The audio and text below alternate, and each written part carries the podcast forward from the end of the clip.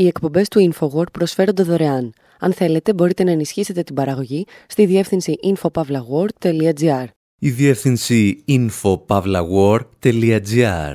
Η εκπομπή InfoWord με τον Άρη Χατζηστεφάνου.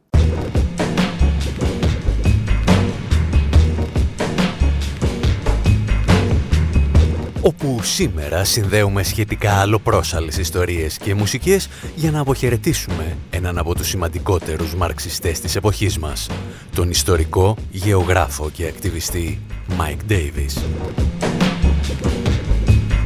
Τον παρακολουθούμε να οδηγεί μια νταλίκα μεταφέροντας κούκλες της Μπάρμπι κάπου έξω από το Λος Άντζελες και ύστερα να μειοψηφεί στην ψηφοφορία για την εκτέλεση ενός απεργοσπάστη.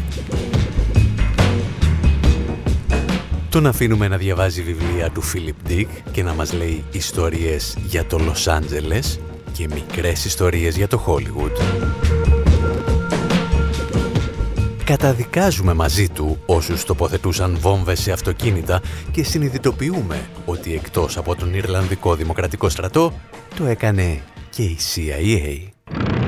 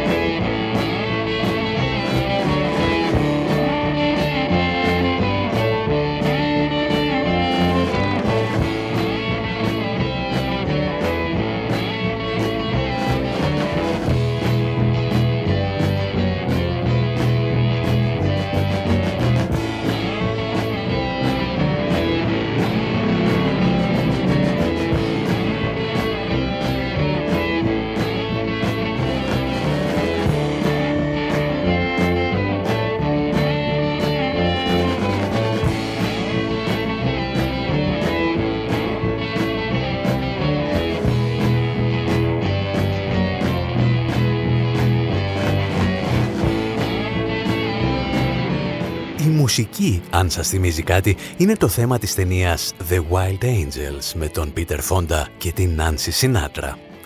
Η γνωστή ιστορία μιας παρέας χαρλεάδων, η οποία ιστορία στηρίζεται στην πραγματική ιστορία της συμμορίας μοτοσυκλετιστών Hells Angels.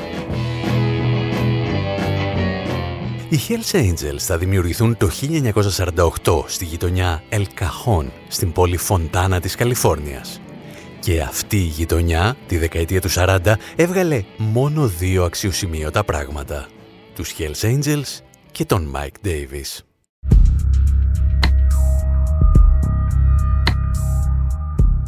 Για την ιστορία, τα δύο αυτά στοιχεία δεν είναι και τόσο ασύνδετα μεταξύ τους.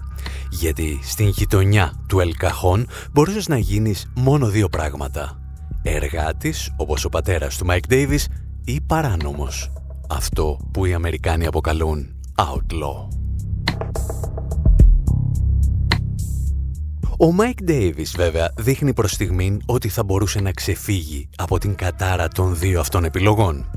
Τελειώνει το Λύκειο και ξεκινά τις σπουδές του. Πιάνει μάλιστα δουλειά και σε ένα αριστερό βιβλιοπωλείο του Λος Άντζελες. Είναι όμως ο λάθος υπάλληλος στο λάθος χώρο. ABC Evening News with Frank Reynolds. Evening. Βρισκόμαστε πλέον στα τέλη της δεκαετίας του 60 και όπως ακούμε και στα δελτία ειδήσεων της εποχής, τα άρματα μάχης του Συμφώνου της Βαρσοβίας έχουν καταλάβει την Τσεχοσλοβακία, καταπνίγοντας τη λεγόμενη άνοιξη της Πράγας. Και ο Μάικ Ντέιβις είναι έξαλλος με αυτή την εξέλιξη. Σχεδόν ένα χρόνο αργότερα επισκέπτεται το βιβλιοπωλείο στο οποίο εργάζεται ο πολιτιστικός ακόλουθος της πρεσβείας της Σοβιετικής Ένωσης στις Ηνωμένες Πολιτείες. Και ο Μάικ Ντέιβις τον αρχίζει στα γαλλικά. Και φυσικά τον απολύουν. Τον Ντέιβις, όχι τον Σοβιετικό ακόλουθο. Και ο Μάικ Ντέιβις, αντί να ξαναγυρίσει στα βιβλία του, αποφασίζει να γίνει νταλικέρης. Ακούστε αυτό και επιστρέφουμε.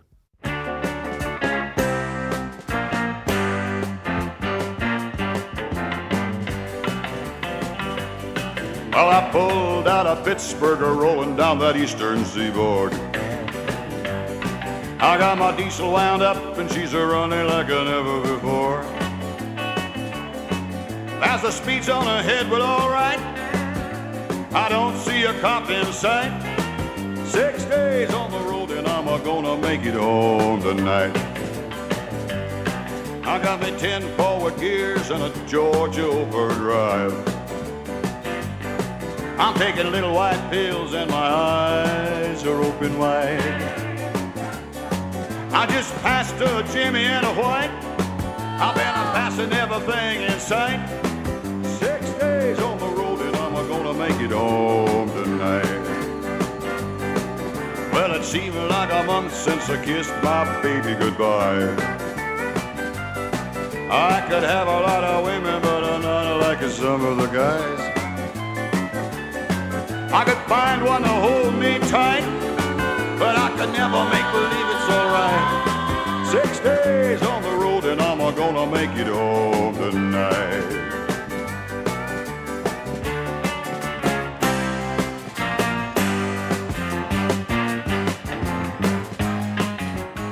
Στα μέσα της δεκαετίας του 60, ο Dave Dudley τραγουδά για τις δοξασμένες ημέρες των Αμερικανών οδηγών φορτηγών, οι οποίοι διασχίζουν τις Ηνωμένες Πολιτείες στους αυτοκινητόδρομους που κατασκευάστηκαν μετά το Δεύτερο Παγκόσμιο Πόλεμο. Για την ιστορία, πάνω σε αυτό το μύθο είχαν στηθεί τα λεγόμενα track driving songs, μια υποκατηγορία της country για την περίπτωση που το αυτοκίνητό σου αντί για τέσσερις ρόδες είχε 18.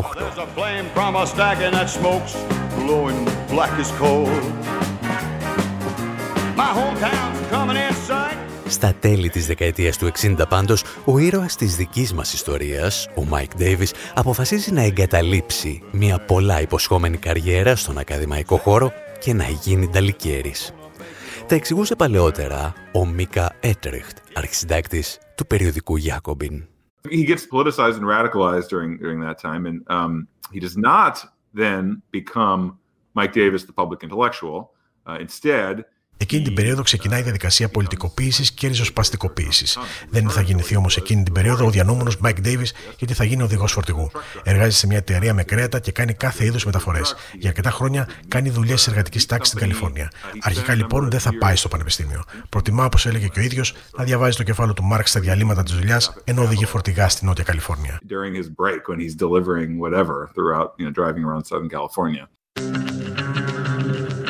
Για την ιστορία, τα φορτηγά που οδηγούσε ο Μάικ Ντέιβις συνήθως μετέφεραν δύο πολύ συγκεκριμένα προϊόντα. Είτε ωμό κρέας, είτε κούκλες της Μπάρμπι από τις κεντρικές αποθήκες της Ματέλ στην Καλιφόρνια. Και σε αυτές τις συνθήκες, ο διανοούμενος νταλικέρης θα αποκτήσει την γνήσια ταξική συνείδηση η οποία θα τον ακολουθήσει μέχρι το τέλος της ζωής του. Για τον Μάικ Ντέιβις η συμμετοχή με τον ένα ή τον άλλο τρόπο στη ζωή των εργατών αποτελούσε αυτό που ο ίδιος αποκαλούσε «μαρξισμό παλαιάς κοπής». Στον ακαδημαϊκό χώρο συνήθιζε να λέει συναντάς ανθρώπους που αυτοαποκαλούνται μαρξιστές και πηγαίνουν σε πολλά συνέδρια.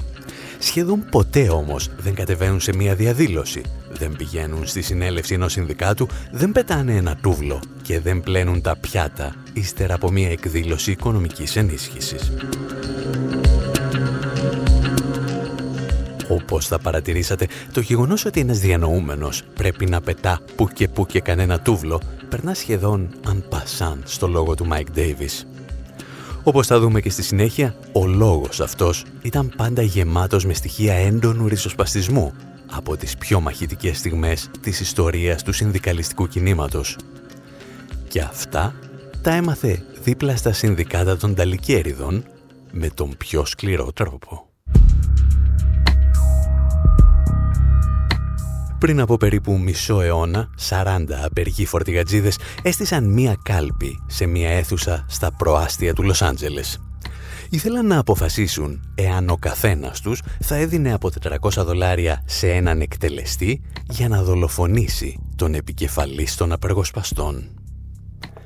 Την προηγούμενη μέρα, αυτοί οι απεργοσπάστες είχαν πάρει ένα λεωφορείο και το είχαν ρίξει πάνω στους απεργούς, τραυματίζοντας σοβαρά έναν από αυτούς. Οι σκληρές μάχες απέναντι στους απεργοσπάστες ήταν βαθιά ριζωμένες στην ιστορία του Αμερικανικού συνδικαλιστικού κινήματος. Όπως εξηγούσε άλλωστε παλαιότερα και ο μεγάλος λογοτέχνης Jack London, δεν υπάρχει καμία δικαιολογία να γίνεις απεργοσπάστης όσο υπάρχει ακόμη ένας λάκκος με νερό για να πας να πνιγείς και λίγο σκηνή για να κρεμάστης. Οι 40 οδηγοί φορτηγών λοιπόν έστησαν κάλπη για να δουν αν θα ανέθεταν σε έναν εκτελεστή να δολοφονήσει τον επικεφαλής των απεργοσπαστών. Και η πρόταση εγκρίθηκε με ψήφους 39 υπέρ και μίας ψήφου κατά. Αυτής του Μάικ Ντέιβις. Παρ' όλα αυτά, ο ίδιος πίστευε και ήταν πραγματικά ο πιο ριζοσπάστης ανάμεσα στους απεργούς. Έλεγε μάλιστα ότι οι υπόλοιποι ήταν δειλοί, αφού αντί να κάτσουν να καταστρώσουν ένα σχέδιο πολιτικής στρατηγικής, προτίμησαν την εύκολη λύση των όπλων. Για αυτή τη σχέση όμως του Mike Davis με την επαναστατική βία θα μιλήσουμε ύστερα από αυτό.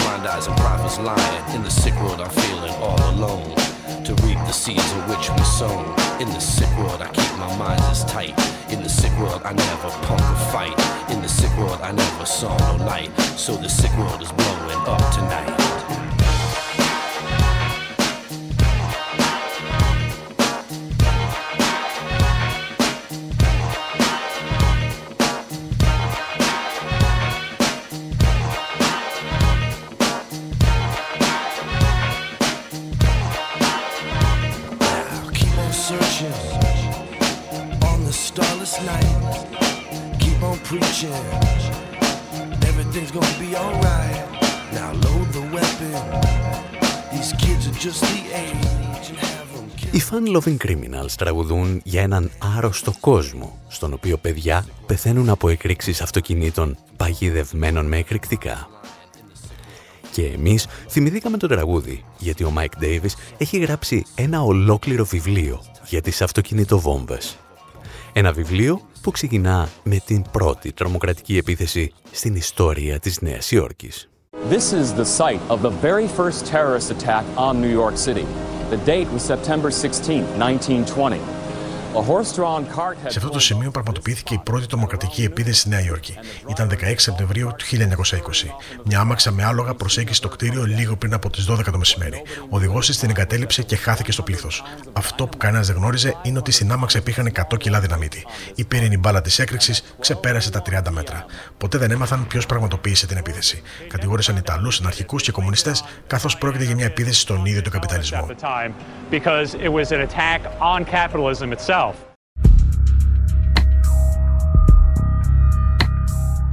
Παρά το γεγονός ότι οι δράστες εκείνης της επίθεσης παραμένουν άγνωστοι, αρκετοί ιστορικοί υποστηρίζουν ότι πίσω από την επίθεση βρίσκονταν οι λεγόμενοι γκαλεανιστές και η επίθεση ήταν απάντηση στην καταδίκη δύο αναρχικών συντρόφων τους, τους Σάκο και Βαντσέτη. Παρ' όλα αυτά, ο Μάικ Ντέιβις είχε μια πολύ συγκεκριμένη άποψη για τις επιθέσεις με παγιδευμένα αυτοκίνητα, είτε προέρχονταν από αναρχικούς, από τον Ιρλανδικό Δημοκρατικό Στρατό ή από μαχητές στο Λίβανο ή στο Ιράκ. Πίστευε ότι είναι πάντα φασιστικής εμπνεύσεως. Well, it's a fascist weapon in exactly the same sense that the bombing of cities, that strategic bombing is a fascist weapon. Uh, είναι ένα φασιστικό όπλο με τον ίδιο τρόπο με τον οποίο είναι φασιστικός ο στρατηγικός βομβαρδισμός μιας πόλης από αεροσκάφη. Η έννοια των παράπλευρων απωλειών είναι παρανοϊκή από κάθε άποψη. Είναι σχεδόν αδύνατο να πραγματοποιήσεις μια επιχείρηση με παγιδευμένα αυτοκίνητα χωρίς να σκοτώσεις αμάχους.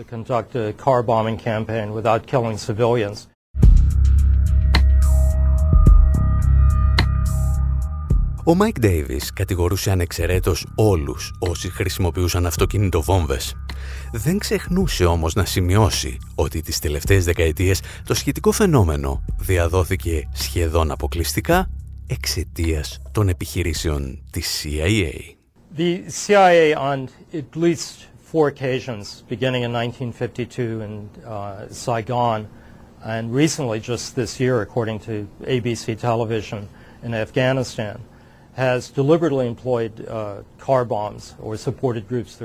η CIA σε τουλάχιστον τέσσερις περιπτώσεις χρησιμοποίησε αυτοκίνητα βόμβες ή στήριξε ομάδες που τα χρησιμοποιούσαν. Ξεκίνησε το 1952 στη Σαϊγκόν και συνέχιζε μέχρι πριν από μερικά χρόνια στο Αφγανιστάν. Σημείο σταθμός όμως στη διάδοση της τρομοκρατία πόλεων αποτέλεσε η δεκαετία του 80. Ο τότε διευθυντής CIA, Bill Casey, χρηματοδότησε σχολές τρομοκρατία και μεντρεσέδες στα σύνορα μεταξύ Αφγανιστάν και Πακιστάν. Στη συνέχεια έδωσε εντολή να ξεκινήσουν μαζικές επιθέσεις με αυτοκίνητα παγιδευμένα με κριτικά στρέφονταν μόνο εναντίον των Ρώσων στρατιωτών στο Αφγανιστάν, αλλά και εναντίον αμάχων στην Καμπούλ. Με τη στήριξη λοιπόν της CIA και των μυστικών υπηρεσιών του Πακιστάν, δεκάδες χιλιάδες άνθρωποι εκπαιδεύτηκαν στις πιο σύγχρονες μορφές τρομοκρατίας πόλεων. Αυτοί οι άνθρωποι με τη σειρά τους δίδαξαν άλλους και σήμερα μπορείς να βρεις εγχειρίδια για την κατασκευή βομβών σε αυτοκίνητα, ακόμη και στο ίντερνετ με τη μορφή PowerPoint. Ήταν λοιπόν ο διευθυντής της CIA Bill Casey που άνοιξε το κούτι της Πανδώρας. So it was in a very real sense, it was uh, CIA Director Bill Casey who opened Pandora's box. Ιστορίες λιγότερο ή περισσότερο γνωστές από τη μυθιστορηματική ζωή και τη σκέψη του Μάικ Ντέιβις, ενός από τους κορυφαίους μαρξιστές διανοητές του 20ου αιώνα, που μας άφησε στις 25 Οκτωβρίου του 2022. Σήμερα εμείς είχαμε προγραμματίσει να μιλήσουμε για το νέο βιβλίο του ανθρώπου που ακούτε στο μικρόφωνο με τίτλο «Προπαγάνδα και παραπληροφόρηση» το οποίο κυκλοφορεί από τις εκδόσεις «Τόπος» την πρώτη εβδομάδα του Νοεμβρίου. Σκεφτήκαμε όμως ότι ο Μάικ Ντέιβις έχει προτεραιότητα. Τα δικά μας θα τα πούμε σε επόμενη εκπομπή.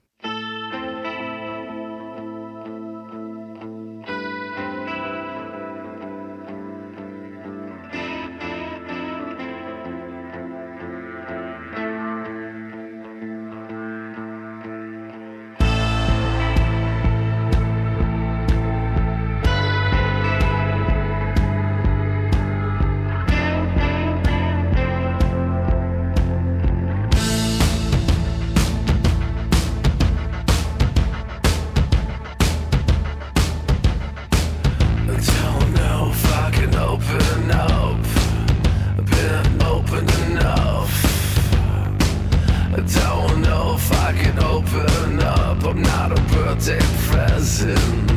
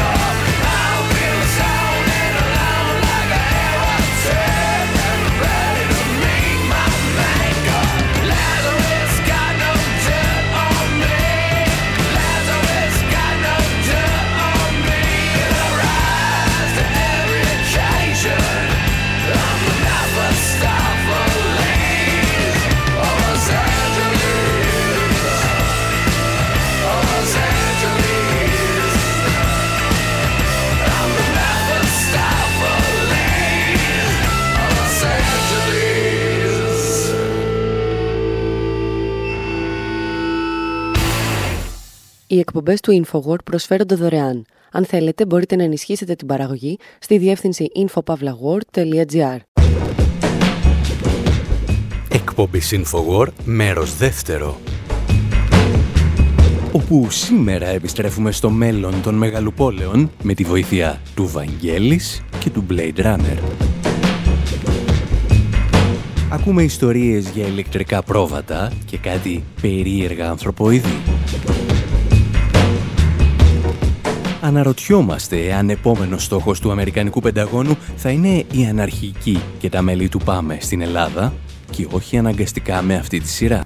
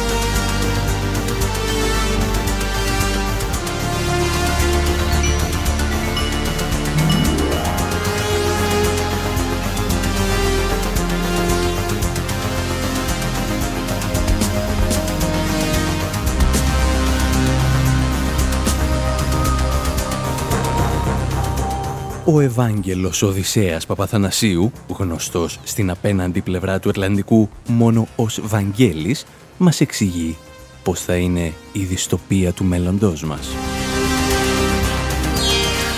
Είναι η μουσική από την ταινία Blade Runner, εκείνη την παραγωγή του 1982 που εμπνεύστηκε από το βιβλίο του Philip K. Dick με τίτλο «Ονειρεύονται τα ανδροειδή ηλεκτρικά πρόβατα». Επειδή το να σας εξηγήσουμε τι εννοούσε ο ποιητής και τι δουλειά έχουμε εμείς με τα ηλεκτρικά πρόβατα θα μας φάει ολόκληρη την εκπομπή, θα μείνουμε στο στοιχείο της ταινίας που μας ενδιαφέρει. Και αυτό είναι η πόλη του μέλλοντος. Το Blade Runner, αν θυμάστε, διαδραματίζεται στο Los Angeles του 2019. Μια εποχή στην οποία οι έχοντες και κατέχοντες ζουν σε αυτόνομους θύλακες οι οποίοι περίπτανται της γης ή σε άλλους πλανήτες. Τα εξηγούσε όμως πολύ καλύτερα ο Μάικ Ντέιβις, ίσως ο πιο συναρπαστικός μαρξιστής συγγραφέας της εποχής μας. Philip K. Dick's term from Blade Runner wherever the off-worlds are floating around and uh, gated communities floating around as satellites of the Earth or, or on other planets. Ο Φίλιπ Ντίκ χρησιμοποίησε τον όρο διαστημικές απικίες, τον οποίο συναντάμε και στην ταινία Blade Runner. Πρόκειται για απομονωμένες κοινότητες που υπερίπτανται της γης ή βρίσκονται σε άλλους πλανήτες, ενώ ο υπόλοιπος πληθυσμός ζει σε μεγαλοπόλεις που θυμίζουν τις ιστορίες του Καρόλου Ντίκενς. Το θέμα δεν είναι απλώς ότι ορισμένοι άνθρωποι επιθυμούν ασφάλεια και ένα χώρο για να απολαμβάνουν το εξωφρενικό καταναλωτισμό τους. Στην πραγματικότητα, συνδέοντας αυτές τις απικίες, δημιουργούν ένα νέο πλανήτη που μπορείς να πετάς από τη μία απικία στην άλλη. Είναι σαν τα αεροδρόμια που είναι όλα ίδια ίδια μεταξύ τους γιατί ακολουθούν το ίδιο μοντέλο λειτουργίας και οργάνωσης. Οι κάτοικοι αυτών των απικιών έχουν ελάχιστη επαφή με τα εργατικά στρώματα, με τους φτωχούς και τους μετανάστες, εκτός από τις περιπτώσεις που χρειάζονται τις υπηρεσίες τους σε προσωπικό επίπεδο.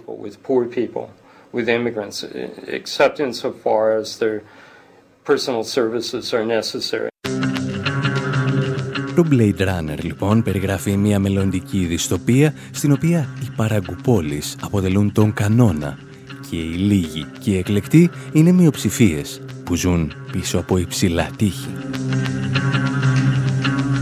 Το πρόβλημα είναι ότι την εξέλιξη αυτή την συνειδητοποίησε πολύ γρηγορότερα από όλους μας το Αμερικανικό Πεντάγωνο και αποφάσισε να λάβει ορισμένα σχετικά μέτρα.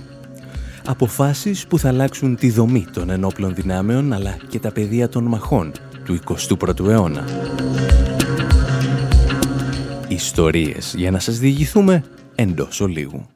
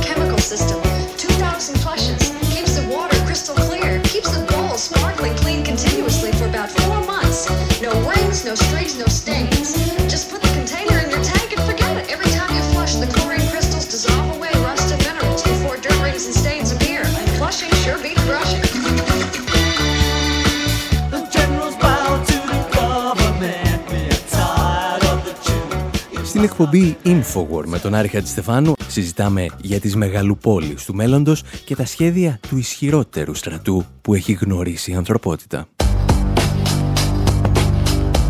Πριν από μερικούς μήνες, κάτι κοντοκουρεμένοι νεαροί πήγαν σε μία αίθουσα στην αεροπορική βάση του Μακντήλ, κοντά στην Τάμπα της Φλόριντας. Εκεί όπου στεγάζεται το Πανεπιστήμιο Κοινών Ειδικών Επιχειρήσεων, το Πανεπιστήμιο του Πενταγών. Το μάθημα της ημέρας αφορούσε τις νέες μορφές αντιμετώπισης της σύγχρονης τρομοκρατίας και περιελάμβανε ένα βίντεο. Τα φώτα έκλεισαν, ο προτζέκτορας ξεκίνησε και οι φοιτητές άρχισαν να βλέπουν μεταξύ άλλων εικόνες αναρχικών στην Αθήνα, μέλη του ΠΑΜΕ και ειδικές δυνάμεις της ελληνικής αστυνομίας να πλακώνονται στο κέντρο της πόλης. Το βίντεο που παρακολούθησαν ήταν απόρριτο. Η ηλεκτρονική έκδοση Intercept όμως εξασφάλισε μια κόπια και έτσι μπορούμε να την παρακολουθήσουμε και εμείς μαζί σας. The future is urban. By 2030, urban areas are expected to grow by 1.4 billion. Το μέλλον είναι αστικό. Μέχρι το 2030 οι αστικές περιοχές αναμένεται να αυξηθούν με 1,4 δισεκατομμύρια κατοίκους σχεδόν στο σύνολό τους στον αναπτυσσόμενο κόσμο. Το 60% των ανθρώπων θα ζουν σε πόλεις στις οποίες θα αντιστοιχεί το 70% του παγκόσμιου ακαθόριστου προϊόντος. Το αστικό τοπίο θα είναι ο χώρος όπου θα συγκεντρώνονται οι δυνάμεις της αστάθειας. Υπολογίζεται ότι μέχρι το 2030 το 60% των κατοίκων των πόλεων δεν θα έχουν κλείσει το 18ο έτος της ηλικίας τους. 60% of urban dwellers will be under the age of 18.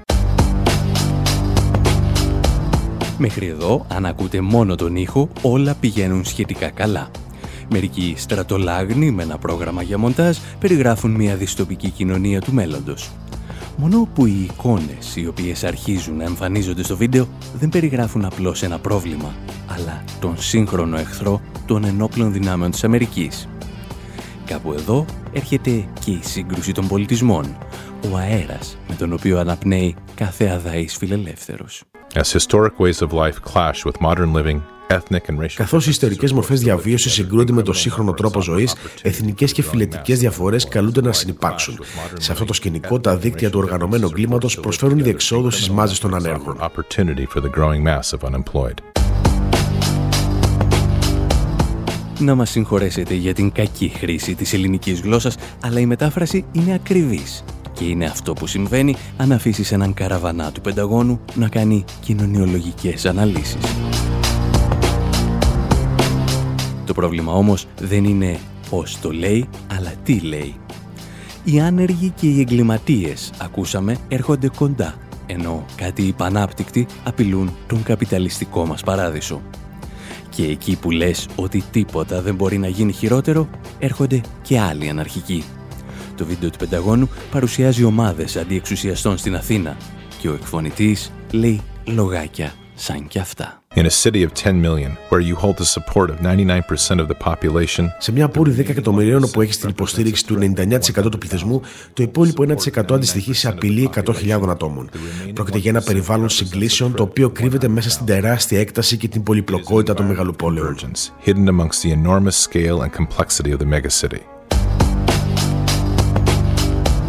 Η διήγησή μας έχει αρχίσει να εμπλουτίζεται και με εικόνες αστυνομικών που χτυπούν διαδηλωτές και μέλη συνδικάτων στην πλατεία συντάγματος. Κατά διαστήματα μάλιστα βλέπουμε και κάτι τζιχαντιστές στην οθόνη. Για να μην ξεχνάμε ότι ο εχθρός είναι ένας και κοινός. Και αφού προσδιορίσαμε τον εχθρό, έχει έρθει μάλλον η στιγμή που αρχίζουμε να τον πολυβολούμε. The advice of doctrine from Sun Tzu Τα προτινόμενα δόγματα, όπως περιλαμβάνονται στα ηχηρή μάχης, μας προσφέρουν δύο βασικές εναλλακτικές. Μια λύση είναι να αποφύγουμε τις πόλεις. Η δεύτερη είναι να δημιουργήσουμε ζώνες όπου είτε θα κρατήσουμε τον εχθρό μακριά ή θα απομακρύνουμε τον άμαχο πληθυσμό και θα εμπλακούμε με τις εχθρικές δυνάμεις σε μάχες μεγάλης έντασης μέσα στην πόλη. Ακόμα και τα δόγματα εναντίον της δημοκρατίας που χρησιμοποιήθηκαν στο Ιράκ και τα βουνά του Αφγανιστάν είναι ανεπαρκή για να αντιμετωπίσουμε το μέγεθος του πληθυσμού στο αστικό τοπίο του μέλλοντος. Is inadequate to address the sheer scale of population in the future urban reality.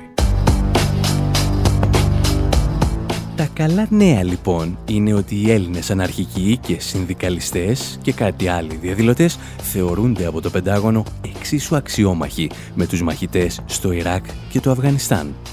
Γεγονός που μας κάνει υπερήφανους ως έθνος αλλά κυρίως ως τάξη. Τα άσχημα νέα είναι ότι το Αμερικανικό Πεντάγωνο μόλις μας εξήγησε που θα πρέπει να περιμένουμε τις εκατόμβες του επόμενου αιώνα. Στα αστικά κέντρα, όπου οι μάζες των ανέργων και των φτωχών δεν θα εντάσσονται πλέον στον άμαχο πληθυσμό, αλλά στις εχθρικές δυνάμεις, που πρέπει να αφανιστούν πάση θυσία. Πώς ακριβώς όμως φτάσαμε ως εδώ και κυρίως μήπως υπάρχει κάποια εναλλακτική ώστε οι φτωχοί και οι άνεργοι να κερδίσουν αυτόν τον πόλεμο. Για να απαντήσουμε πρέπει να επιστρέψουμε στο Blade Runner και τον Mike Davis, αλλά θα το κάνουμε ύστερα από ένα μικρό διάλειμμα.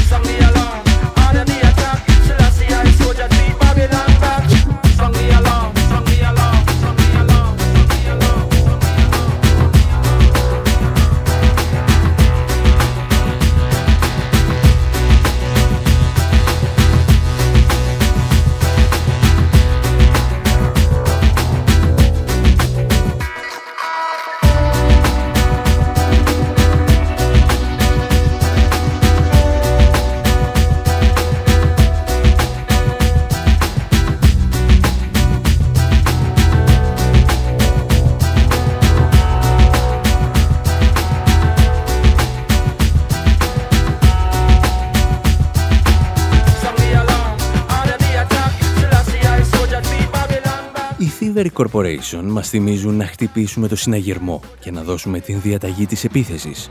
Γιατί, όπως λένε, έχει κηρυχθεί στρατιωτικός νόμος. Εμείς πάλι συζητάμε για στρατούς που ετοιμάζονται να εισβάλλουν στις πόλεις.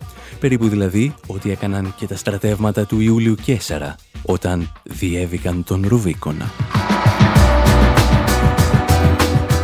Για να καταλάβουμε τι ακριβώς έχει συμβεί, θα πρέπει να επιστρέψουμε μερικά χρόνια πίσω, όταν ο Mike Davis παρουσίαζε το βιβλίο του Planet of Slums, ο πλανήτης των παραγκουπόλεων.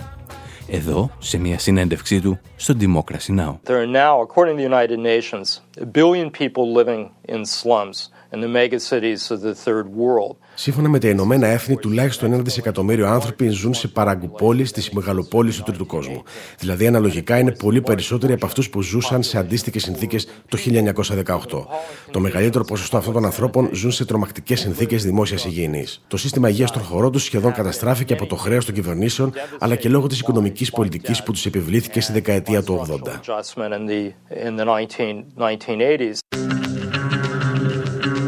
Η νεοφιλελεύθερη πολιτική της δεκαετίας του 80 λοιπόν έστειλε αναλογικά περισσότερους ανθρώπους σε παραγκουπόλεις από όσους ζούσαν εκεί πριν από έναν αιώνα.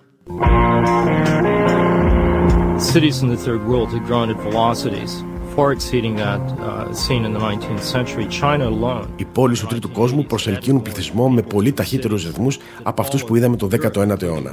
Μόνο η Κίνα τη δεκαετία του 80 έφερε στις πόλεις περισσότερους ανθρώπους από όσους είχαν φέρει όλες οι χώρες της Ευρώπης και η Ρωσία σε ολόκληρο το 19ο αιώνα. Στην πραγματικότητα, κανένας μας δεν γνωρίζει πώς θα είναι αυτός ο γενναίος νέος κόσμος της αστικοποίησης και κυρίως εάν μπορεί να επιβιώσει.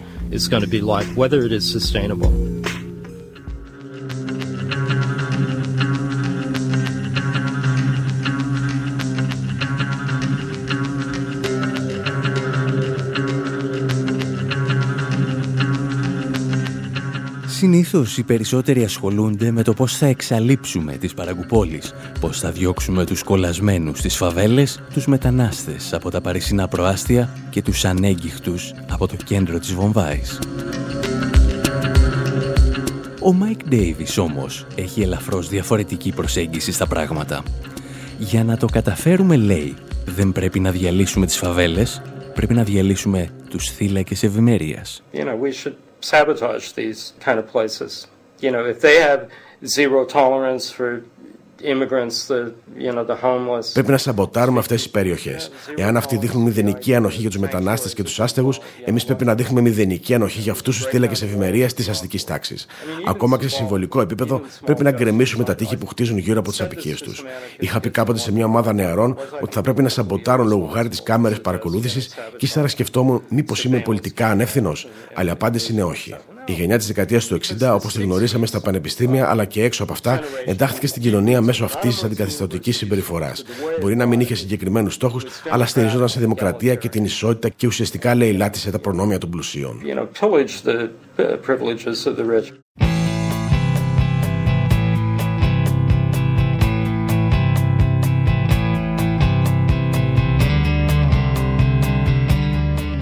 Με αυτές τις σκέψεις του Mike Davis που μας άφησε στις 25 Οκτωβρίου του 2022 λέμε να σας αφήσουμε και για αυτή την εβδομάδα. Όπως σας είπαμε, είχαμε προγραμματίσει να σας πούμε μια-δυο κουβέντες για το νέο μου βιβλίο με τίτλο «Προπαγάνδα και παραπληροφόρηση. Πώς τις εντοπίζουμε». Κυκλοφορεί από την πρώτη εβδομάδα του Νοεμβρίου στα βιβλιοπολία από τις εκδόσεις «Τόπος».